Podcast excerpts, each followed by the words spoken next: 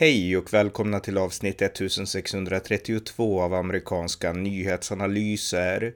En konservativ podcast med mig, Ronny Berggren, som ni gärna får stödja på swishnummer 070-30 28 95 0. Nancy Pelosi, som är det amerikanska representanthusets Speaker of the House, besökte igår Taiwan som ett led i sin resa till Asien. Det gjorde Kina mycket upprörda. Här följer ett samtal med Asienexperten Jojo Olsson om Nancy Pelosis viktiga besök. Varmt välkomna! Jojo Olsson, välkommen! Tack så mycket! Vi ska prata lite grann om det här äh, intressanta och symboliska besöket som Nancy Pelosi gjorde igår på Taiwan. Och äh, du livepoddade ju, eller live-twittrade, inte poddade, det är jag som poddar, men du live-twittrade igår på Kina Medias Twitterkonto. Och äh, kan du berätta lite grann alltså om det här besöket och bakgrunden och sådär? Ja, det kom ju då den första uppgiften om att Nancy Pelosi skulle besöka Taiwan kom då för en dryg vecka sedan. Och det skulle då ske i, i samband med hennes Asienresa hon är ju på en Asienturné nu där hon besöker Singapore, Malaysia, Japan och Sydkorea då enligt det officiella eh, resschemat. Och eh, Pelosi skulle ju ha åkt till Taiwan redan i våras, i april, men då fick hon ju covid så hon var tvungen att ställa in sin eh, resa. Och eh, sen kom det ut uppgifter då att hon skulle hinna med ett besök i eh, Taipei under nuvarande Asienresa. Och det här besöket bekräftades ju inte på förhand då i med den här känsliga situationen med Kina som motsätter sig eh, alla former av eh, diplomatisk aktivitet med Taiwan. Så att det här eh, besöket bekräftades aldrig officiellt av Pelosi innan hon landade på Taiwan, utan det läckte ut då till medier en dag i förhand, en knapp dag i förhand. Så det var väldigt ja, spännande huruvida hon alls skulle åka dit och vilka hon skulle träffa och så vidare. Men som sagt var så landade hon då igår eftermiddag svensk tid och eh, nu idag när vi pratar kring lunch eh, svensk tid så har hon då redan lämnat eh, Taiwan då. Mm. Och Kina hade ju riktat, alltså det var inte bara att de protesterade utan det var ju rena hot som hade riktats mot, ja, mot det här besöket.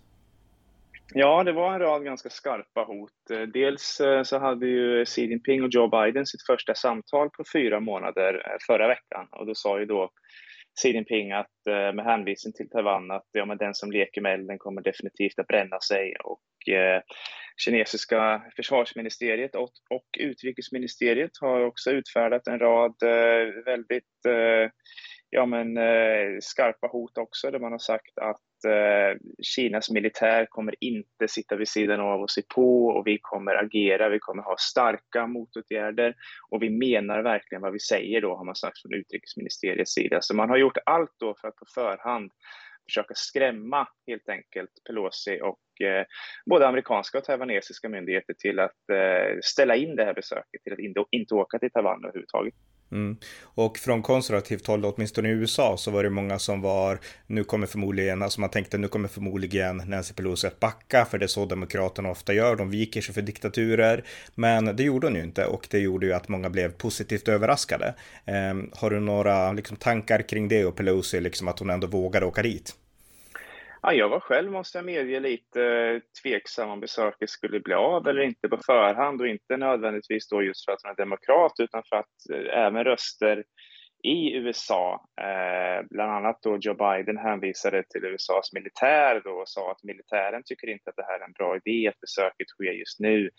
Vi har haft eh, ett par inflytelserika tankesmedjor och analytiker som har sagt att eh, det här är inte ett, eh, ett bra tillfälle och det här kommer att eh, leda till eh, större spänningar. Så att eh, ja, det var, jag var själv inte övertygad om att de skulle åka innan då de här eh, uppgifterna läckte ut eh, ett, ett dygn i förväg och, och till och med igår eh, när Pelosis plan då lyfte från Kuala Lumpur i Malaysia där hon hade varit innan så var det hundratusentals personer som följde hennes flygplan via en sån här live tracking då på internet. Det var ju journalister och politiker och allmänintresserade som inte visste helt enkelt om planet skulle till Taiwan mm. bara ett par timmar innan hon landade där. Ja, och hon har ju en historia, alltså att hon åker just till Taiwan. Hon har ju en historia av att stödja Taiwan och att också ta en ganska tydlig ton mot den här, ja, mot kommunistdiktaturen också i Kina. Ja, hon är väl en av de eh, amerikanska politiker som under längst tid har varit mest frispråkig vad gäller att uppmärksamma eh, kinesiska regimens eh, övergrepp då mot sin egen befolkning, men även framfarten internationellt och, och även att stå upp eh, för Taiwan då har också blivit en av hennes eh, hjärtefrågor. Och det här kan ju spåras tillbaka till 1991 som var då bara två år efter massakern vid Himmelska fridens torg då när Pelosi besökte Peking. Och då gick hon till eh, torget och vecklade ut en banderoll då, eh, till minne av offren vid Himmelska fridens torg. Och då blev hon helt enkelt eh, ivägkörd eh, ganska bryskt av eh, kinesiska säkerhetsstyrkor, kinesisk polis. Och efter det så eh, har hon eh, fortsatt att eh, argumentera för att Eh, de här övergreppen som Kinas regim gör sig skyldiga till måste få konsekvenser. Hon har uppmärksammat situationen i Xinjiang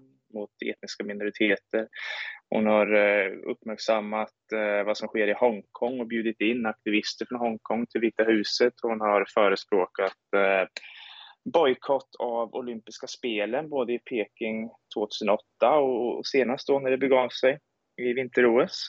Och Eh, ja, hon har allmänt förespråkat att eh, den kinesiska regimens eh, repressiva beteende måste få följder och man måste ställa högre krav på Kina, exempelvis för att låta landet ja, men bli medlem i Världshandelsorganisationen och arrangera stora internationella evenemang och så vidare. Så hon har varit en konstant nagel i ögat på, på ledarskapet i Peking ända sedan början på 90-talet. Just det. Och om vi går in på det här besöket lite mer specifikt då. Eh, eh, alltså om vi, om vi börjar med, här, här i väst så har man ju pratat om det här som stort och historiskt och unikt och så. Och man har verkligen gjort stora nyheter av det här. Men du har skrivit på din sajt kinamedia.se, en sajt jag rekommenderar till alla nu i de här tiderna att följa. Eh, du skrev att på Taiwan så var liksom, det var inte så stor hype kring det här besöket där. Men på Taiwan så är man ju redan eh, ganska van eh, vid de här kinesiska hoten. Man är redan ganska luttrad eh, över den här retoriken då. Och man har ju upplevt betydligt, säga, värre, eh, värre händelser, mer spända situationer under de senaste årtiondena. Vi har ju exempelvis den så kallade tredje Taiwankrisen i mitten av 90-talet när eh, ja, Kina avfyrade missiler in i, i Taiwansundet och den här retoriken om att den som leker med elden kommer bränna sig och att Kinas militär är redo att vidta åtgärder. Den har man ju hört på regelbunden basis från eh, eh, Kina då på, bland, bland Taiwans befolkning. Så att det här besöket har inte varit lika, som säga, hajpat på, på Taiwan som det har varit i många utländska medier då. Man har kunnat märka att framförallt den taiwanesiska befolkningen så har det här inte varit någon, eh, ja men det har inte varit något jättehett samtalsämne. För att eh, ja, man har haft flera sådana här besök under den senaste tiden och eh, kanske inte lika högprofilerade. Men det har ändå kommit en rad delegationer till Taiwan och de har också föregåtts av samma slags hot men ingenting har då ändå hänt. Och eh, man skulle väl kunna säga så att eh, senaste åren här så har eh, eh, omvärlden vaknat upp till eh, de här eh, hoten och den här retoriken som Taiwan redan har levt under i, i flera årtionden.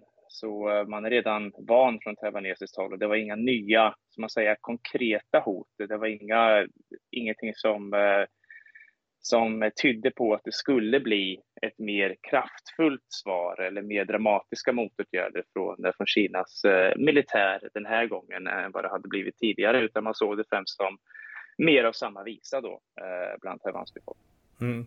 Men hur eh, mottogs då Pelosi? Alltså välkomnades hon av opinionen på Taiwan och av politikerna? Var de positivt inställda? Ja, politikerna tycker ju givetvis eh, att eh, det här är en väldigt positiv händelse. Oavsett vem som har makten på Taiwan så är ju alltid de här högprofilerade besöken är ju alltid en fjäder i hatten för den regering som sitter vid makten, oavsett om det är det nuvarande partiet eller oppositionspartiet. Taiwan har ju en politik som går ut på att eh, man vill bryta sin internationella isolering och eh, de här besöken då, vare sig det är av eh, Nancy Pelosi eller den svenska delegationen som nyligen kom, eller Europaparlamentarikerna som besökte Taiwan för några månader sedan, så är det ett viktigt steg i ledet för att visa då att Taiwan inte är isolerat, trots den diplomatiska statusen man har. Och trots de, de påtryckningarna som, som Kina ständigt, eh, ständigt utövar då. Så eh, från myndigheternas håll så eh, tycker man att ju fler högt uppsatta politiker som kommer till Taiwan och visar sitt stöd, desto bättre är det, absolut. Och det var också en av Nancy Pelosis främsta syften med besöket var att visa att det är rätt att åka och besöka Taiwan och det kommer inte leda till några konsekvenser trots de kinesiska hoten. Och därmed vill hon då normalisera eller göra till praxis så att andra högt uppsatta politiker från andra demokratier också vågar åka och besöka Taiwan. Mm. För där handlar det lite, lite grann om vem som skulle blinka först. Alltså, hon pålyste att hon tänkte åka till Taiwan, sannolikt åka till Taiwan i alla fall. Och Kina sa att om du gör det så kanske vi till och med skjuter ner planet. Så gick ju retoriken i vissa håll då. Och eh, då handlar det om vem backar först ungefär. Jag menar i en sån situation så målar man in sig i varsitt hörn. Alltså USA, de måste åka, de måste visa att de vågar åka i alla fall. Och Kina, ja, de har ju gett ett hot som de måste kunna backa upp. Så att eh, man kan väl säga att den dragkampen vann Nancy Pelosi och USA. Ja, absolut. Det kom ju de här hoten då kom ju från, ja men det var väl främst de uppmärksammades eh, bland, eh, som jag säger, engelskspråkiga analytiker och medier. Det var ju att eh, en tidigare chefredaktör från eh, en partitidning som heter Global Times, det är den tidning som ges ut av partitidningen Folkets Dagblad. Han, den här chefredaktören, hade då twittrat att eh, om Pelosi åker in över taiwanesiskt luftrum så är det då enligt honom kinesiskt luftrum och det kan ses som en krigsförklaring eh, från amerikansk eh, sida. Och då har vi rätt att skjuta ner eh, Pelosi. Men eh, han är ju då ingen officiell eh, myndighetstjänsteman, men icke desto mindre så är han en sån figur som ofta används för att kasta ut de här testballongerna för att se hur eh, omvärlden reagerar då på det här. Men eh, ja, man har väl den kalkyleringen från eh, Nancy Pelosis eh, sida, från amerikanska myndigheters sida, att eh, det här var bara tomma tunnor helt enkelt. Eh, kan jag också tillägga att det här är en väldigt eh, känslig tidpunkt för eh, Kinas regim och framförallt för president Xi Jinping eftersom i höst så ska man hålla en eh, partikongress, den 20 partikongressen där Xi Jinping då ska utses till Kinas ledare på en tredje mandatperiod och det är en väldigt kontroversiell händelse för ingen har styrt landet så länge sedan Mao Zedong. Men Xi Jinping har då själv avskaffat den här begränsningen på två mandatperioder så han ska styra landet på en tredje mandatperiod. Mm.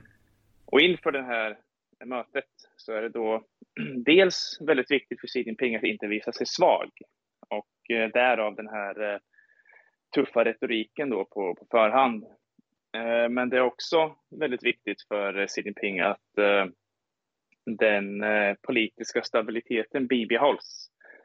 Det värsta som skulle kunna hända inför det här viktiga mötet, ja men det är ju att man skulle försöka sig på något militärt uppdrag eller skulle bli någon sammanstötning och sen så går Kina förlorande ur den så att säga duellen och Xi Jinping tappar ansiktet just inför den här partikongressen och då kan hans ställning utmanas helt enkelt inom partiet.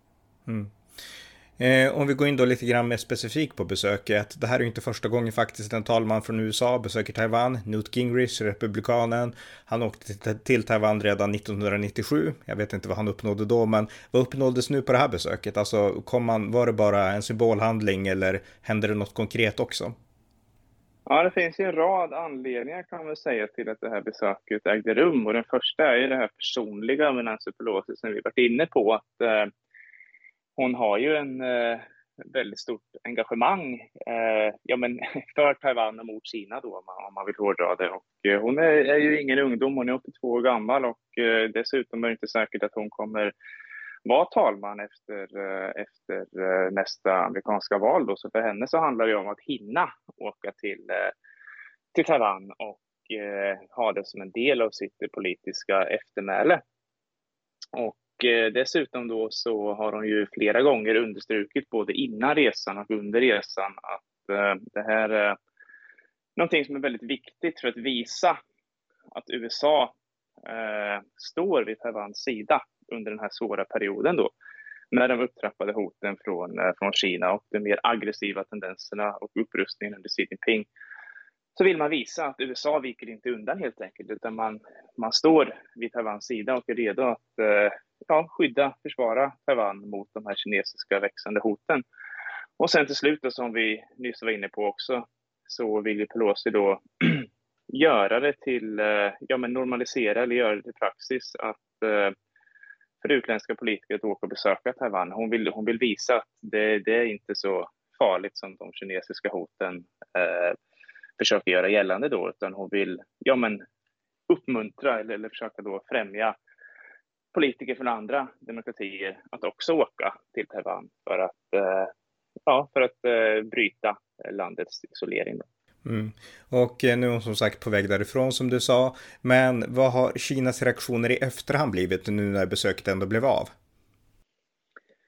Ja, det har ju kommit några motåtgärder och reaktioner i alla fall. Det var ju givetvis eh, oundvikligt i och med att Xi Jinping då inte vill, eh, inte har råd att visa sig svag, att ignorera det här besöket helt och hållet. Man kan väl säga att den eh, viktigaste eller mest dramatiska motåtgärden det var att i princip samtidigt som Pelosi landade igår så meddelade Kinas militär då att man kommer att hålla militärövningar eh, i flera områden då runt Taiwan. Det släpptes en, en karta med områden som man då säger åt att eh, alla flygplan och fartyg ska undvika de här områdena mellan torsdag och söndag för här ska vi hålla militärövningar med skarp eh, ammunition. Och de här områdena är, eh, ja men till att börja med så omringar de Taiwan och ger bara då några fickor eh, för trafik som kan åka ut och in och det är då ett, eh,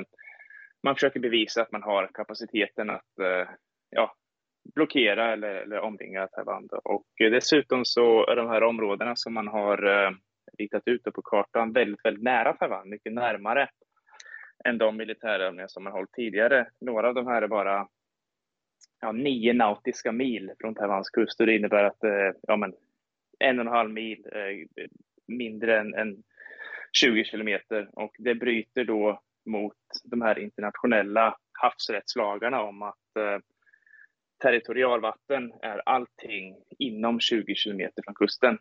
Så man har, ja, eh, som en reaktion då kommer man hålla de här skarpa övningarna bara just utanför eh, Taiwans kust. Mm, just det. Eh, och eh, hur, eh, jag menar, är det någonting som USA på något sätt bemöter eller Taiwan bemöter det såklart, men USA, reagerar man på det och liksom varnar å sin sida Kina eller låter man bara här liksom passera förbi? Ja, Taiwan har ju sagt att man kommer att eh, vara redo, att man står på, på helspänn, liksom, att man kommer att eh, följa de här övningarna och, och, och, man har ju då mycket riktigt också påpekat att de här övningarna bryter mot eh, internationella lagar och Eh, ja, det är väl ett eh, ordkrig som, som pågår just nu då inför övningarna. Och sen kan man ju tillägga att det här är ju faktiskt ganska farligt. Eh, även om det i nuläget inte finns någon som tjänar på ett krig, tjänar på en militär sammanstötning, så innebär det ju då att om det är kinesiska skarpa militärövningar bara precis utanför Taiwans kust, då ökar ju det risken för ja, men ett misstag eller en felkalkylering, en felbedömning som kan leda till en ond spiral där, där vi då får en eh, militär konflikt. Och om något, något sånt inträffar, att det blir ett misstag, då är det ju väldigt osannolikt att se att någon sida kommer backa tillbaka direkt, utan då kommer situationen bara förvärras då så att säga. Så det ska ju också bli väldigt eh, intressant och viktigt att följa hur de här skarpa militärövningarna mellan torsdag och söndag egentligen då kommer utspela sig. Eh, vid sidan av de här militärövningarna så har det inte varit särskilt eh, mycket konkreta motåtgärder från Kinas håll. Man, man har infört lite eh, ja, men ekonomiska sanktioner, man har eh, förbjudit några dussin taiwanesiska matexportörer att eh, sälja på den kinesiska marknaden. Eh, man har blockerat eh, några internetsidor och eh, ja, annars är det mest en fortsatt eh, retorik då från Kinas håll, att man eh, ja, kommer, kommer se till att såväl USA som Taiwan får betala för det här. Men inget konkret förutom de här skarpa militärövningarna som ska hållas då senare i veckan. Nej, just det. Ja, men då känns det ju som att det var ett lyckat besök och Nancy Pelosi hon betonade ju att vi ska stå allierade med Taiwan och att det är viktigare nu än någonsin. Och det här visar ändå att USA tycks ha en bipartisansk mellan båda partierna, Republikanerna och demokraterna, enighet bakom stödet för Taiwan. Och eh, det känns ju ändå betryggande. Ja, men det var någonting som Pelosi också underströk idag när hon hade Ja, dels en eh, presskonferens i Taipei och även då ett tal innan hon press, äh, träffade president Tsai Ing-wen. Hon träffade alltså Taiwans president idag eh, innan hon eh, lämnade Taiwan och hon besökte även parlamentet där då. Och eh, då sa hon ju då mycket riktigt att det finns ett eh, stort stöd i USA att stå upp för, för Taiwan här då. Eh, så eh, absolut, det är ett eh, mycket bra tecken. Hade resan inte blivit av, trots att planerna hade då avslöjats, att man hade backat från USAs sida, då hade det verkligen varit ja, men katastrofalt för den fortsatta situationen i regionen. För då, då inser ju Kina då att bara vi hotar tillräckligt skarpt så kan vi få USA, Taiwan och demokratiska världen att att backa undan. Mm. Men alltså om, om man tänker då Kina, nu har de gett ett hot som är i, praktiken visade sig vara ett tomt hot. Blir inte det någon slags prestigeförlust för Kina också, för Xi Jinping? Jo, det blir en väldigt stor prestigeförlust och eh, garanterat nu så sliter både Xi Jinping och de andra toppolitikerna ganska hårt i sitt hår i eh, Peking och eh, vet väl inte riktigt hur man ska hantera den här situationen. Eh, som sagt så kom ju planerna på eh, Nancy Pelosis besök, de kom ju bara en eh, dryg vecka på förhand då. Och eh, det kan man ju verkligen eh, tänka sig att det varit en intensiv eh, ja, men, eh, debatt, eh, tankegångar i Peking hur man ska bemöta den här situationen och då kommer vi fram till att då uppenbarligen att först ska vi försöka skrämma bort Pelosi. Vi ska försöka ha en så tuff retorik så att, eh, så att den här resan ställs in. Men sen när det inte händer då, ja, vad ska man göra från kinesiskt håll? Man har inte så otroligt många valmöjligheter eftersom man just nu inte är redo helt enkelt för en militär konflikt i, eh, i Taiwansundet. Man är inte, man, man är inte mobiliserad för det. Och dessutom så, eh, förutom den här partikongressen då som äger rum i höst, så har man väldigt mycket andra problem på eh, agendan i Kina just nu. Du har en eh, stagnerande tillväxt, en eh, bostadskrasch, covid-19 fortsätter med den här nolltoleransen och det är väldigt mycket problem just nu för den kinesiska ledningen att, att ta tag i. Och en, eh, visst, å ena sidan kan man säga att en yttre militär konflikt för att sluta de inre leden är alltid en beprövad metod. Men å andra sidan så tror jag att den kinesiska ledningen inser att det vore i det här läget en katastrof att ja, men provocera fram en, en militär konflikt i, i Taiwan. Mm. En sista fråga på alltså Kinas reaktion och så. Nu är Kina en diktatur, men det kinesiska folket, alltså vad har de för syn på Taiwan? Delar de helt regimens syn och är de liksom redo att gå ut i krig så fort regimen liksom viftar med fingret? Eller hur, hur tänker kineser om Taiwan? Ja, det här är en väldigt intressant aspekt eh, Eh, av det hela då, för att eh, framförallt under Xi Jinpings eh, tio år vid makten nu så har ju kommunistpartiet eh, eh uppmuntrat och främjat eh, väldigt eh, starka nationalistiska aggressiva känslor. Då, så att säga. Kommunistpartiet har ju tidigare rättfärdigat sitt maktmonopol med ekonomisk utveckling, men nu när eh, ekonomin har stannat av lite grann så har man ju även då skiftat till att eh, till att rättfärdiga maktmonopolet med att man är den eh, kinesiska befolkningens eh, garant för eh, för Kinas plats i världen och Kinas heder och historiska rättvisor och så vidare. Då. Och den största historiska orättvisan som man har framhävt i propagandan, det är just Taiwan.